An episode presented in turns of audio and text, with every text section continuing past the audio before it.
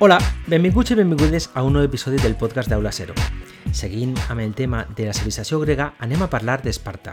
I és que Esparta va ser una de les polis més extenses i poderoses de Grècia. El seu sistema de govern i la seva societat era molt diferent al de les altres polis.